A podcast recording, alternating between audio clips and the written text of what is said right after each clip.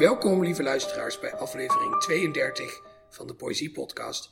Mijn naam is Daan Doesborg en alles is weer bij het oude. Na die avontuurlijke serie over het dichterschap des vaderlands zit ik weer gewoon in Splendor met gewoon een dichter. Al is dat eigenlijk voor alle dichters die uh, de laatste jaren het poëziepodium beklommen hebben, uh, nog het minst een uh, fatsoenlijke kwalificatie van de dichter die hier naast mij zit, namelijk Radna Fabias.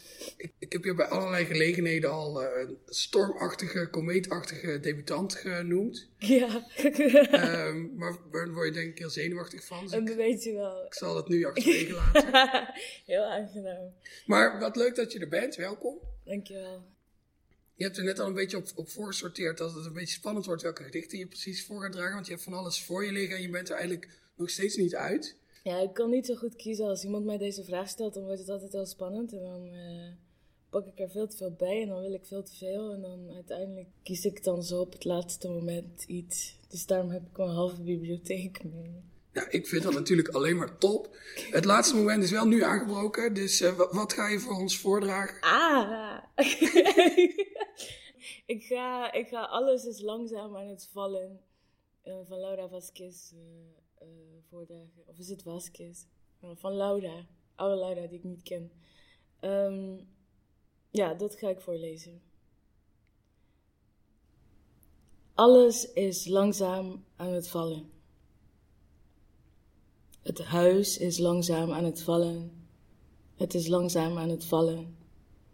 De kinderen zijn langzaam aan het vallen. Ze zijn langzaam aan het vallen. Hun monden zijn langzaam aan het vallen. De monden van de kinderen zijn langzaam aan het bewegen en hun benen zijn langzaam aan het vallen. Hun benen zijn langzaam aan het vallen. Alles is langzaam aan het vallen. De stad valt, ze valt, ze is langzaam aan het vallen. De stad valt, ze is zachtjes aan het vallen al een hele tijd. Al een lange tijd het huis valt en de mensen vallen, de monden vallen en de mensen vallen en de onderkant van de ogen en de bovenkant van de buik en de binnenkant van de buik en de binnenkant van de wangen en de bovenkant van de wimpers en de bovenkant van de handen en de binnenkant van de voeten en de onderkant van de tafels en de onderkant van de borsten en de bovenkant van de graven en de bovenkant van de schedels en de onderkant van het ik en de bovenkant van het ik en de bovenkant van de buiken en de onderkant van de buiken en de binnenkant van de buiken. Alles valt, valt, alles is langzaam aan het vallen. De stenen vallen en de verbanden en de verhalen en de voorwerpen en de vloeistoffen en de beken en de langen en de vloeistoffen en het speeksel. Alles valt, valt, alles is langzaam aan het vallen in de organen, in de huizen, in de verbanden. Het is de wending, het is de weg, is de methode, het is de cadans, het is een verband, het is een idee,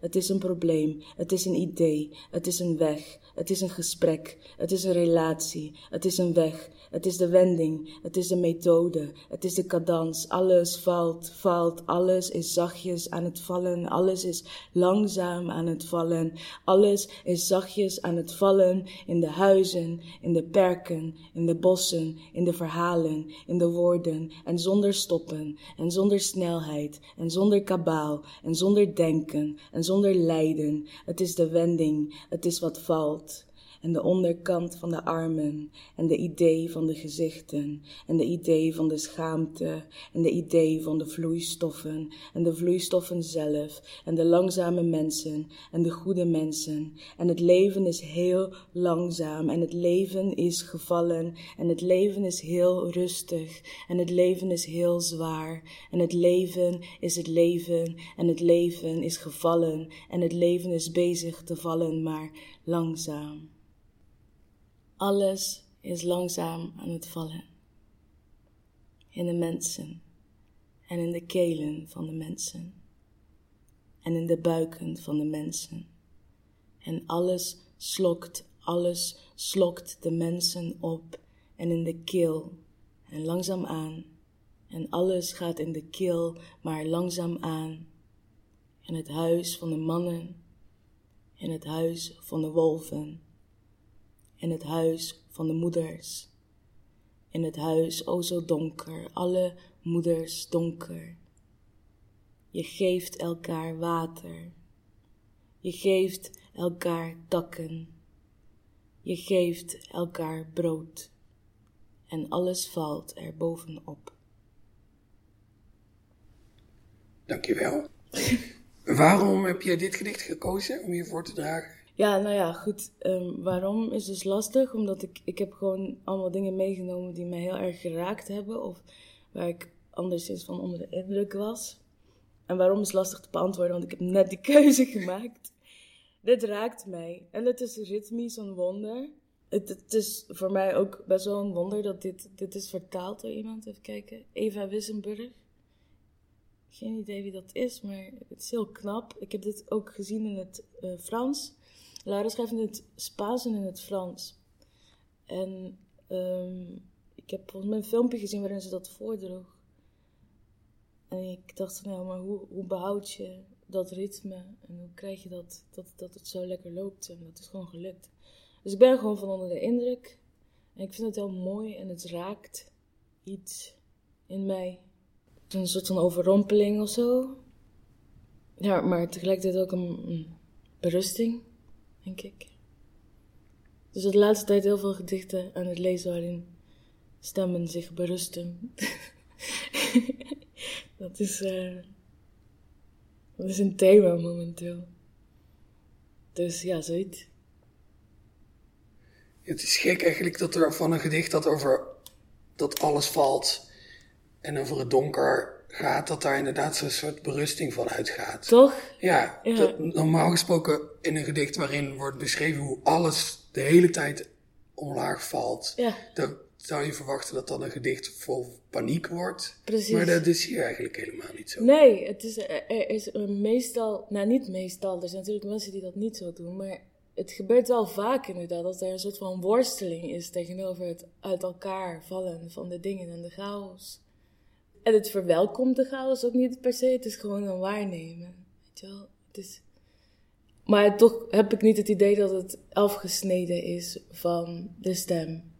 Dus het is niet een negeren en het is ook niet een soort van vechten tegen de chaos. Het is bijna een soort van, ah ja, even, kijken, ja, ja, alles valt. Ja, dat valt ook al en dat valt ook al en dat valt ook al. En volgens mij werkt het zo. Dus je doet dingen en ondertussen valt alles. Oké. zo. Dus dat, ja, dat is zeldzaam dat het zo werkt. Dat het, maar ik vind het sowieso mooi als gedichten over best wel donkere dingen gaan en tegelijkertijd ook al uh, troosten. Omdat het donkerte wordt besproken überhaupt op een niet per se angstaanjagende manier. Wat misschien wel de meest... Um, het kan een wenselijk effect zijn. Als je dat opschrijft. Ik kan zeggen dat het de meest voor de hand liggende keuze zal zijn. Maar ik weet niet of dat waar is. Ik, ik weet heel veel dingen niet. Ik weet van heel veel dingen niet of ze waar zijn. Maar ik vind het knap gedaan. En ik vind het troostend en mooi. Het is ook wel een beetje, beetje dapper, denk ik, toch? Als je een gedicht over iets heel donkers schrijft, om dan ook de verantwoordelijkheid te nemen om daar berustend over te doen. Ja. Je kan wel een gedicht maken over dat de, dat de dood zo, zo erg en, en beangstigend is, maar ga er maar aan staan om dan ook nog eens te zeggen, maar. Ja. ja, en wat die maar is, weet ik dan niet. Nee, ja, maar ja, maar, om, om niet alleen maar uh, dat te doen om te laten schrikken of zo. Dat, dat kan zo'n effect zijn, zo van ik zeg dit en jij gaat daar nu even van schrikken, hé? Ja, en hoe gaat het nu met je? Kan me niet schelen. We gaan door naar de volgende. En die wordt ook verschrikkelijk. En daar is ook een plek voor hoor. Maar dat is niet wat ik opzoek momenteel. Ik vind het wel, ik, ik merk dat, en dit is al veel langer, mijn ogen bewegen zich wel naar donkere dingen. En naar bijvoorbeeld iets als vervreemding maar als ik lees, dan vind ik het prettig als het niet alleen maar bevestigt dat het daar is. Maar dat ik bijvoorbeeld ook zie dat daarom gelachen kan worden. Of dat dat berustend kan zijn. En dat geeft dan een soort van troost. Dus niet de complete ontkenning van het gegeven. Maar het ook niet inzetten om een soort van boe te zeggen. Als lezer vind je dat prettig. En als schrijver probeer je dat dan zelf ook te doen? Bewegen je ogen terwijl je schrijft ook de hele tijd naar donkere dingen? Ja, joh. Ja, maar dat vind ik niet gek, maar het is aan de hand. Ik, uh, ik schrijf heel vaak in het boek als ik signeer dat ik hoop dat mensen hier en daar ook een beetje kunnen lachen. Om wat ze daarin treffen. Want ik weet dat het geen blije bundel is of zo. Maar ik heb wel geprobeerd om ruimte te houden voor de lach. Dat is ook een methode die mij is aangeleerd. Ja, niet bewust, maar dat is gewoon hoe er in mijn omgeving vroeger werd omgegaan met ellende. Het was er om lachen. Je had ook natuurlijk het verzeigen, nou dat vind ik dus minder interessant. En dat is, dat is er, het, het onderdrukken van, van de lelijkheid en het wegstoppen van de lelijkheid was natuurlijk ook een ding. Dat is niet iets wat ik wil voortzetten. Op de beste momenten was er iemand die met een grap iets heel naars even luchtig maakte. Zo, zo door de donkerte snee. En dat, dat is wel iets wat, wat ik nastrevenswaardig vind. Anders wordt het wel heel lastig allemaal. en dit is bijvoorbeeld wat ik net voorlas, is helemaal niet grappig, vind ik. ik moest ook niet lachen. Nee, nee. Maar als ik zelf schrijf, dan, dan vind ik het wel fijn als ik zo nu en dan een grapje mag maken. Grapjes zijn goed, man. Ja, zeker. dat, uh, dat red, grappen redden levens. Ja, ik moet nu denken, toen een vriend van mij overleed, dat we toen ook met z'n allen bij elkaar zaten. En toen heeft eerst iedereen heel lang helemaal niks gezegd. En volgens mij is ook het eerste wat daarna wel gezegd werd, was een grap. Ja. En daarna zijn we een paar weken lang alleen maar grappen gemaakt. Dat bedoel en, ik. En pas toen konden we daar het serieus over doen. Ja, het is een, een fijn middel om te gebruiken bij het rouwen, als je het kunt inzetten. Als, als er mensen in je buurt zijn die dat kunnen, want soms ben je ook helemaal lam geslagen. Ik heb bijvoorbeeld een vriendin, die echt, dat is echt een lompste grappenmaker. Dat alles doet pijn gewoon. maar dat is zo effectief en ik ben zo blij dat zij er is. Ja, je krijgt wat lucht. Want je blijft ook niet bij de grap hangen, daarvoor zijn die dingen ook te groot. De grap is gewoon eventjes een kleine verlichting. En dan moet je daarna weer met de dingen omgaan. Het risico is anders dat je alleen maar grappen blijft maken. En niemand wil echt een clown zijn, toch? En als het heel donker is. Dat zijn toch ook de verdrietigste types die alleen maar die grappen blijven maken. Is mij verteld. Clowns zijn heel droef. ja, dat denk ik ook. Hm. En natuurlijk, als je met een grap iemand of jezelf wil helpen, dan kan dat eigenlijk ook wel alleen met een grap die tegelijkertijd in zich ook een soort erkenning van het probleem heeft. Ja. Je kan wel een mop gaan vertellen over een oen die in een vijver valt. op het moment dat er net iemand dood is. Maar de beste grappen op dat moment zijn natuurlijk grappen die ook erkennen dat het gewoon heel kut is als iemand doodgaat. En dat je daar vervolgens dat je met allemaal gevoelens zit te kijken waarvan je niet weet wat je ermee moet. Precies. En dan daar een grap over maken. Ja. Of een gedicht. Of een gedicht. Of een grappig gedicht. Dat is natuurlijk het allerbeste. Grappige gedichten zijn de beste dingen. Die zijn pas zeldzaam trouwens. Grappige gedichten? Ja, dat is wel zoeken. Dichters hebben het natuurlijk allemaal super moeilijk. Dat is. Dat... nou ja, mensen hebben het überhaupt moeilijk. Maar ik, ik denk dat er misschien best wel lang. dat uh, mensen de neiging hadden om. de humor niet toe te laten of zo. En ik lees gelukkig wel steeds vaker. Want ik had gewoon een grappig gedicht mee moeten nemen. Zie je, nu wordt alles helder. Ik heb geen grappig gedicht meegenomen. Maar dat, dat zie ik nu wel uh, vaker. Of misschien lees ik ook anders nu. Of zoek ik andere dingen op. Maar heel lang vond ik ze niet hoor. Of ik, ook, of ik vond het dan, dat ik dacht, ja, maar dit is dan flauw. Want het werkt dan, ik, ik vind het ook het mooiste als er een soort van contrastvorming is, weet je. Ik hou van contrastvorming. Het komt mij waarachtig voor. Je vertelde net dat je ook een keer een voordracht van Laura Vasquez, Vas, Vasquez, Vasquez, ja. Vasquez gehoord hebt. Ja. Was dat van dit gedicht? Dat was van dit gedicht, en dat was, maar het was online. Volgens mij kun je dat ook googlen. En dan in het, in het Frans of in het Spaans. Maar heb je je dan Misschien is het een hele flauwe vraag hoor, dan moet je gewoon zeggen, een vingerflauwe vraag. Maar nu heb jij zelf dit gedicht voorgedragen, weliswaar in een Nederlandse vertaling, dus dan is het altijd anders. Maar op het moment dat je zo'n gedicht dan voordraagt en je weet hoe zij het voordraagt, laat je je daar dan ook door leiden of door inspireren? Of probeer je dat stemmetje achter in je hoofd van Laura Vasquez te negeren? Hoe werkt dat? Nee, haar voordrachtstijl zou niet bij mij passen. Ik heb er met plezier naar gekeken, maar sowieso zitten in, die, in, in het Frans, hè, dat was in het Frans. Het is een hele andere taal, is ook veel zangeriger. ehm, zoals ik het me herinner, zoals het heet. Tot ik wel iets theatraals of zo. Ja, ik kan het niet produceren zonder mezelf heel stom te gaan vinden, dus dat doe ik dan liever niet. Ik lees het zo dicht mogelijk bij hoe ik zelf spreek. Misschien iets trager, want de laatste tijd, omdat ik dus mezelf terugzie en terughoor, kom ik erachter dat ik best traag praat. dus dat is soms best wel lange stiltes vallen tussen gedachten, omdat ik aan het scannen ben wat ik zal zeggen. Dus het gaat altijd als ik voordraag dan toch wel wat sneller dan dat. Maar verder is het zo dicht mogelijk bij hoe ik praat. En ik volg dan wel haar tekst. Dus ik, ik probeer het ritme te volgen zoals ik uh, dacht dat ze het genoteerd heeft. Dan zou zeggen, dit is bijvoorbeeld zo'n blok tekst. En het loopt maar door en dan heb je zo'n witregel. En dan denk ik, nou ja, dat zal even een... Je voelt ook op een gegeven moment, ik dacht dan, volgens mij draagt ze veel voor. Want je voelt ook dat dit een plek is bij zo'n witregel waar je bijna geen adem meer hebt. Dus dat zie ik nu soms ook als ik gedichten lees van mensen die veel op het podium zijn. Um, waar ze de witregels of de afbrekingen doen en neerzetten. Dus ja, ja, hier is je adem gewoon op. Ja, ik merk ook hetzelfde. Dus dat, dat is wat ik dan doe. Het is wel interessant om te zien hoe mensen gedichten van anderen voordragen. Net zoiets als een cover, weet je wel. En doorgaans vind ik covers, niet altijd, maar best vaak zo jammer.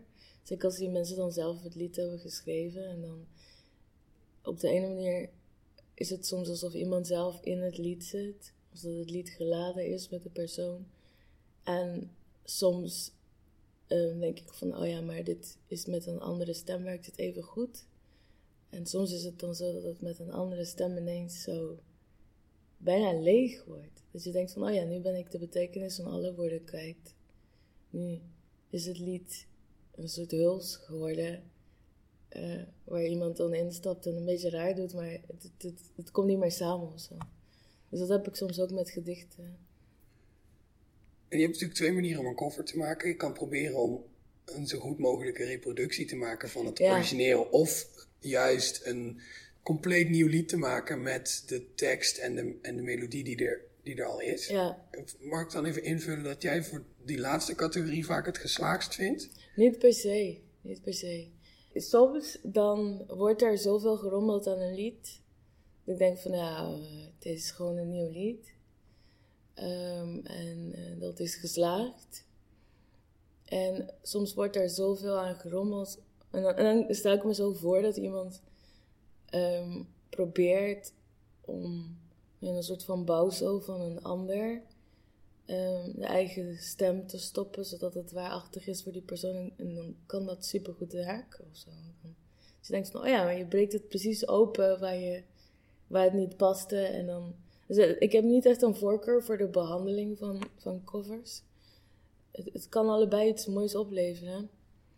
Maar soms dan Weet je, dan, je hebt soms dan ook zo'n heel klein liedje.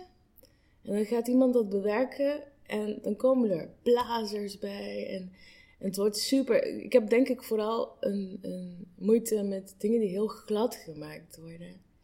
Dus als je iets hebt wat, wat een randje heeft. En wat ergens nog toont dat het.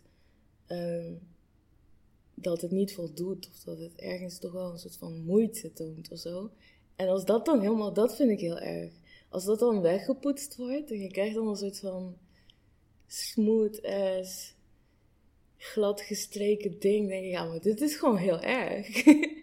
dit is gewoon droef, zeg maar. Dus dat is het meer. En dat kan met beide benaderingen gebeuren. Ik, ik vind het jammer als er randjes weggehaald worden. Misschien is dat wel hebben we het coverprobleem ook weer op. Ja, precies. Dat is uh, toch wel weer mooi meegenomen in een podcast die eigenlijk over poëzie gaat. Precies, poëzie, ja. Maar over poëzie willen we eigenlijk niet praten. Daar willen we liever naar luisteren. Ja, daar willen we liever naar luisteren. Dus zou je dan het gedicht van Lara Vasquez nog een keer voor willen dragen? Ja, echt? Ja. Alles is langzaam aan het vallen. Het huis is langzaam aan het vallen. Het is langzaam aan het vallen. De kinderen zijn langzaam aan het vallen. Ze zijn langzaam aan het vallen. Hun monden zijn langzaam aan het vallen. De monden van de kinderen zijn langzaam aan het bewegen en hun benen zijn langzaam aan het vallen. Hun benen zijn langzaam aan het vallen. Alles is langzaam aan het vallen. De stad valt, ze valt, ze is langzaam aan het vallen. De stad valt, is zachtjes aan het vallen. Al een hele tijd, al een lange tijd. Het huis valt en de mensen vallen, de monden vallen en de mensen vallen.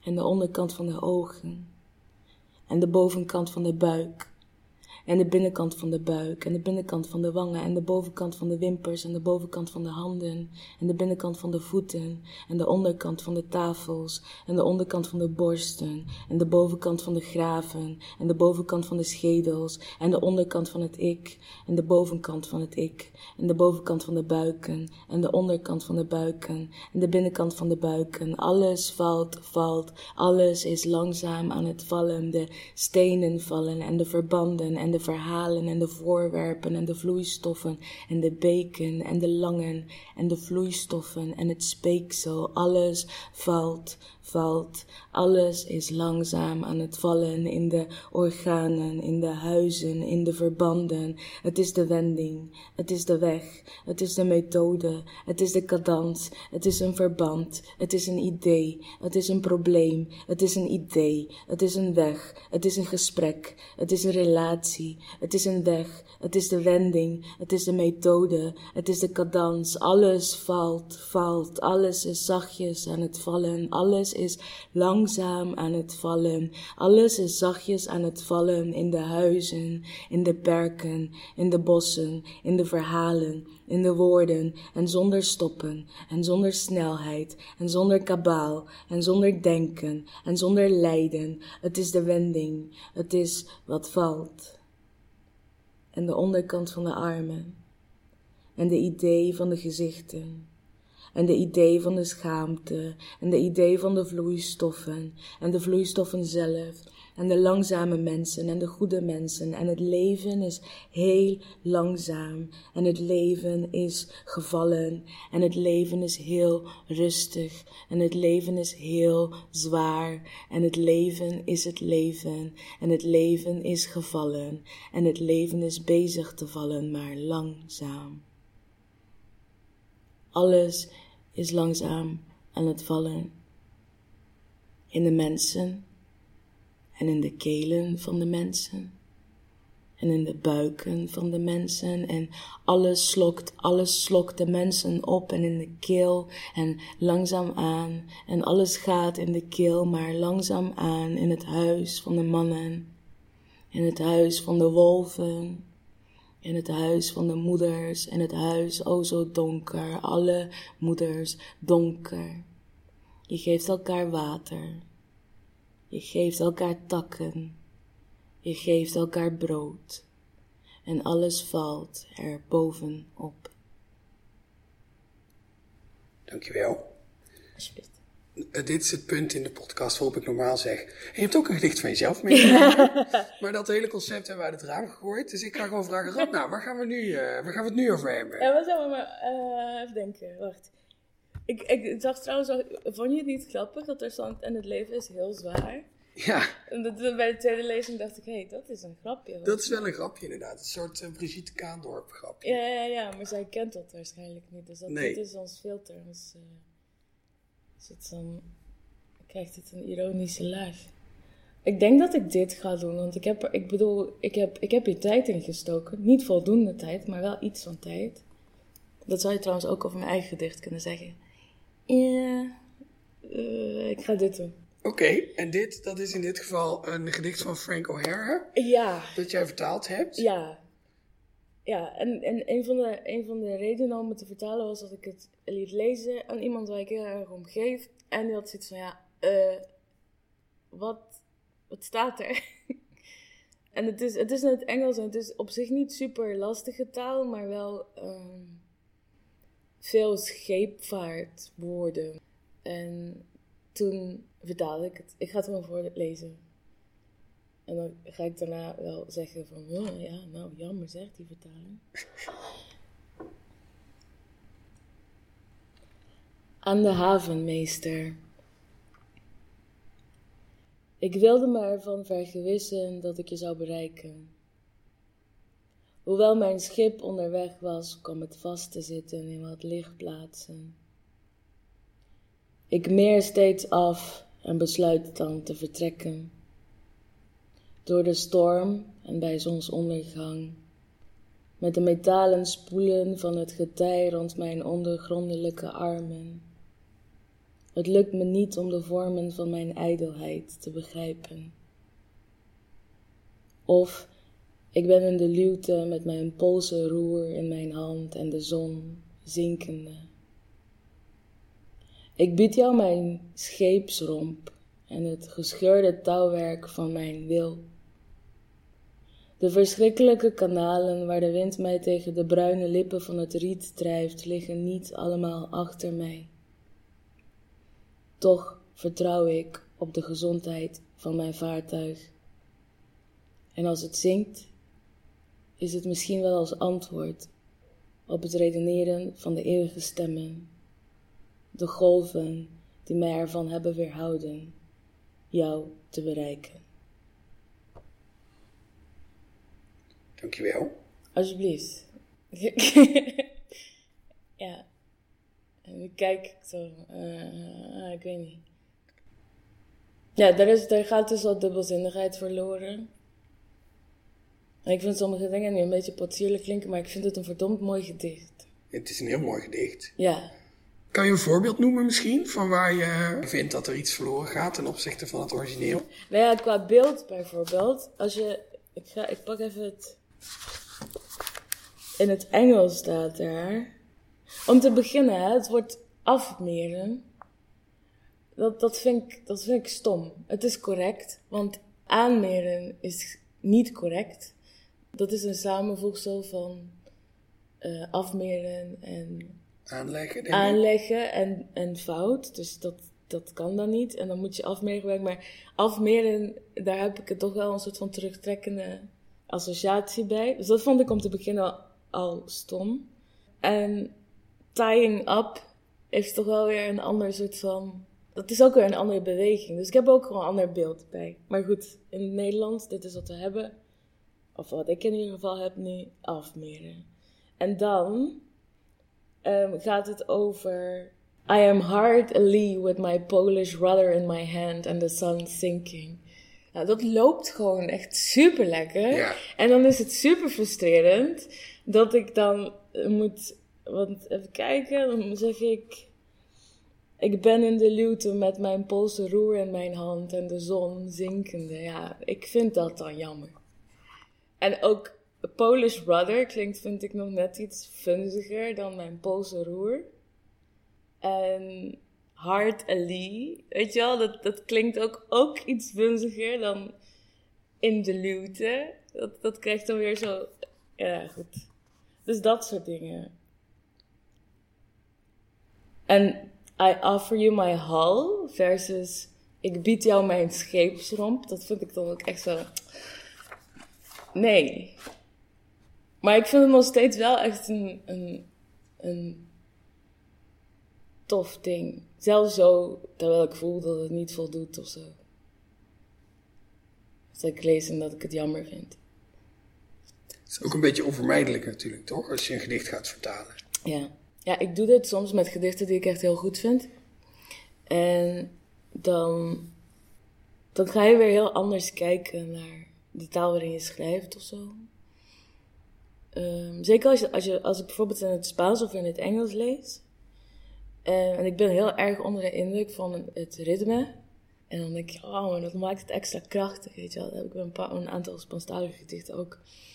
En dan denk ik, dit, dit moet te behouden zijn, weet je wel. Dan word ik er helemaal gek van als ik dan vervolgens merk dat het niet lukt. Maar tegelijkertijd, je volgt wel gewoon elk woord. Je wordt wel gedwongen om niet globaal te lezen of niet alleen maar op geraaktheid op het moment dat je een gedicht zo gaat behandelen. Dus ik vind het wel een, een, een tof, uh, een toffe soort van oefening of zo. Terwijl ik het helemaal niet doe om te oefenen, maar gewoon eigenlijk omdat het omdat ik geraakt ben en ik wil daar iets mee. En wat ga je met een gedicht doen behalve blijven lezen en dan ga je het een keer vertalen, zoiets. Je moet natuurlijk als je iets gaat vertalen ook wel analyseren waar die geraaktheid eigenlijk in zit. Precies. Een beetje alsof je een gerecht proeft en je denkt, oh, dit gerecht is heel lekker. Ja. Dat wil ik thuis ook gaan maken. En Ja. dan moet je vervolgens niet meer bezig zijn met lekker, maar met waar komt die vandaan? En, en Ja. weet je, wat moet ik nu gaan kopen? Hoe is die opgebouwd? Ja. ja. ja. Dus het is ook wel een soort oefening in iemand raken. Ja, dat is ook zo. Je merkt een, een effect op en dan ga je proberen te kijken naar hoe dat effect tot stand is eh, gekomen. Want dat is ook iets. Ik merk dat ik dit doe als ik een gedicht eigenlijk al uitgeput heb met lezen. Want ik wil dat niet te snel doen, snap je? Eigenlijk, ik, ik wil dat eigenlijk zo min mogelijk. Ik wil dat er een geraaktheid is. En ik wil die geraaktheid niet te veel bevragen. Um, zo van, oh ja, maar welke stijlmiddelen? Ja. Voor, in dat opzicht ben ik voor altijd verpest. De academie kan ik dat niet, niet doen. Dus dan ben ik ook super blij als, ik, als de geraaktheid groter is dan die neiging om op die manier te lezen. Maar ja, dan val ik er toch in terug als ik het uitput. Als ik een gedicht zo 10, 20 keer lees. En dan jarenlang laat liggen en dan weer oppakken. En op een gegeven moment denk ik, ja, maar nu moet ik iets mee, want dan nou is het op. En als je het dan vertaald hebt, is het dan weer aangevuld? Of, of ben je dan juist nog, nog dieper gegaan in het uitputten van dat gedicht? Ja, soms, soms dan, dan, dan komt er nog een grotere soort bewondering eh, voor het gedicht. Ik denk van, mijn god, het is echt eh, wat knap. En heel soms is het dan op. Dat ik dan denk, nou oké, nou nu, nu, nu ga je weer de kast in of zo. Nu hoef ik het een tijdje niet te lezen. Maar bij de meeste gedichten, ik heb zo'n archiefje met, met gedichten die me heel erg raakten. En de meeste blijven wel overeind of zo. Als je daarna na het vertalen en na- het lezen en opnieuw lezen. Pas na jaren later soms, dan merk je ook van... Oh, maar dit raakte je toen. Weet je wel, dat, dat het gedicht nog steeds even sterk is. En dat je dan zo... Oh ja, maar die versie van mezelf toen, natuurlijk. Natuurlijk raakte dat toen iets aan of zo. Nee, ik kan hier eigenlijk niks zinnigs over zeggen. Er gebeurt van alles. Soms gebeurt iets. Soms, soms raakt het nog verder uitgeput, soms, soms niet. Lekker vast, hè, in mijn eh, stellingen. Ja, ben ik dol ja.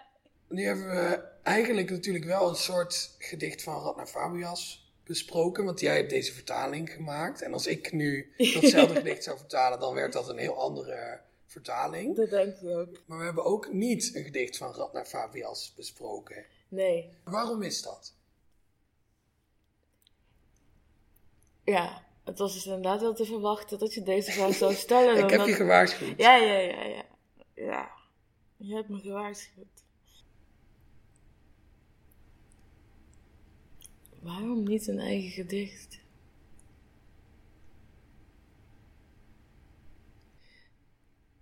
Ik laat hem in stilte vallen omdat ik probeer te denken of ik iets kan zeggen wat beter is dan ik weet het niet.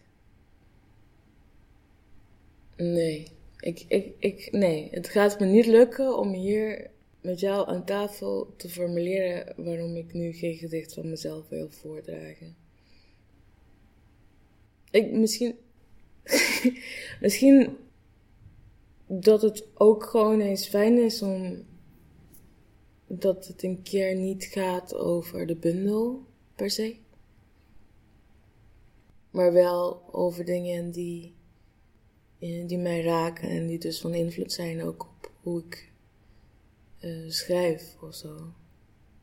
Want het is ook niet een soort van vermoeidheid, van ik wil niks meer uit mijn bundel voorlezen. Dat is het ook niet. Ik weet het niet dan.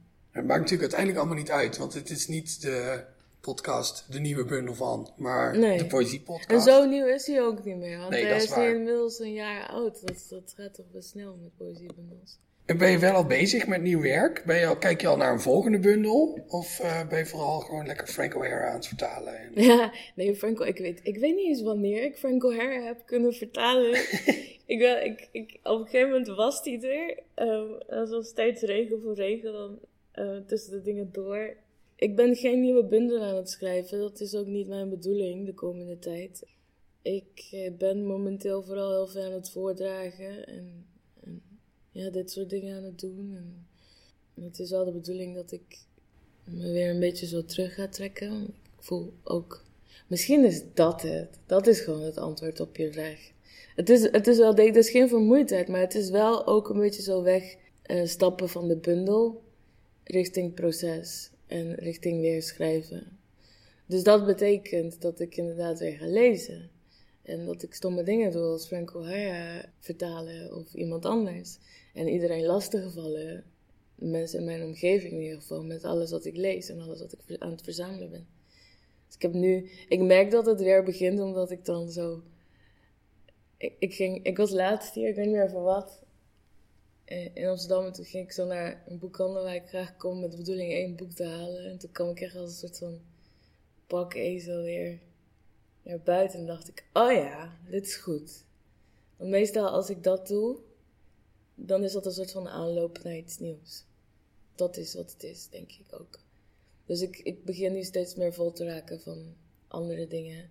En het begint ook een beetje onrustig te maken, omdat ik niet super lang kan zitten om te schrijven. Plus ik ben mijn kantoorritme een beetje kwijt. Tot niet zo heel lang geleden werkte ik dus nog gewoon op kantoor. En dat is echt super overzichtelijk en heeft een soort van eigen droefheid. Maar uh, tegelijkertijd is dat ook een fantastische structuur om te hebben.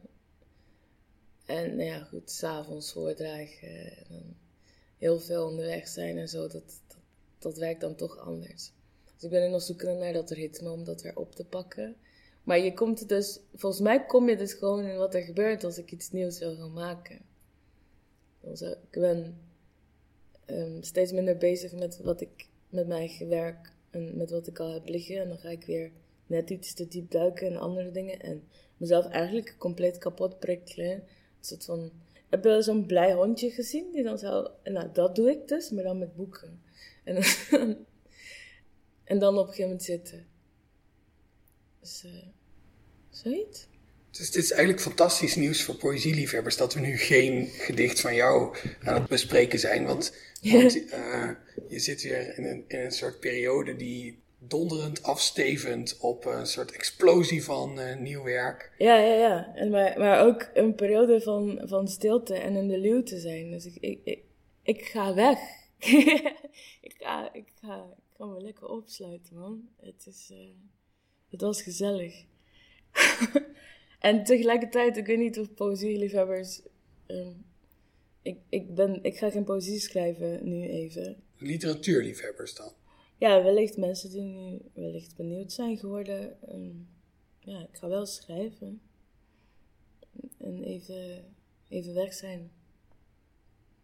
Stel je voor dat je weggaat het gedicht van Frank O'Hara nog een keer voor willen dragen? Ja, ja, is goed aan de havenmeester.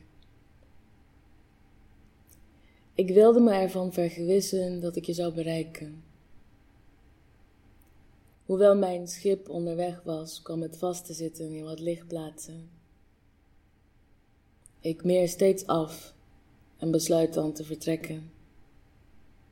Door de storm en bij zonsondergang met de metalen spoelen van het getij rond mijn ondergrondelijke armen. Het lukt me niet om de vormen van mijn ijdelheid te begrijpen. Of ik ben in de luwte met mijn polsen roer in mijn hand en de zon zinkende. Ik bied jou mijn scheepsromp en het gescheurde touwwerk van mijn wil. De verschrikkelijke kanalen waar de wind mij tegen de bruine lippen van het riet drijft, liggen niet allemaal achter mij. Toch vertrouw ik op de gezondheid van mijn vaartuig.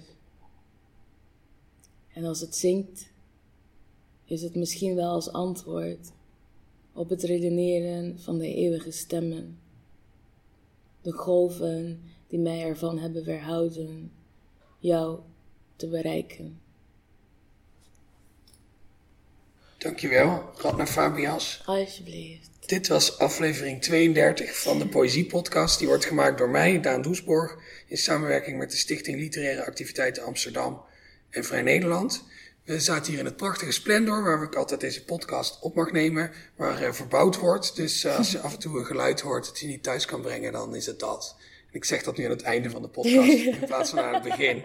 Ja, dat iedereen al in complete verwarring heel lang naar allerlei gekke geluiden heeft zitten luisteren. Nou ja, nu weten jullie uh, waar het door komt. Als je nu heel erg graag aan de goede gemeente wil laten weten hoe fantastisch deze podcast is, en je luistert deze podcast op je iPhone of op je, op je iPad, laat dan uh, in iTunes een, een, recensie achter alsjeblieft, want daar ben ik heel blij mee, want dan gaat Apple tegen andere Apple-gebruikers zeggen, dit is een hele leuke podcast, die moet je luisteren. dus doe dat vooral. En als je nou niet in iTunes aan het luisteren bent, maar je wil wel graag zeggen dat je deze podcast zo fantastisch vindt, dan kan je ook een mailtje sturen naar poëziepodcast.gmail.com. En als je het een stomme podcast vindt, dan hou je het maar lekker voor je. Nee, maar ook... een charmante promo. Ja, hè? Ja, ja, ja. De muziek bij deze aflevering die is gecomponeerd door Bart de Vrees. En die wordt ongeveer nu ingestart door mij, terwijl ik dit thuis zit te monteren. Dit was aflevering 32. Graag tot de volgende keer.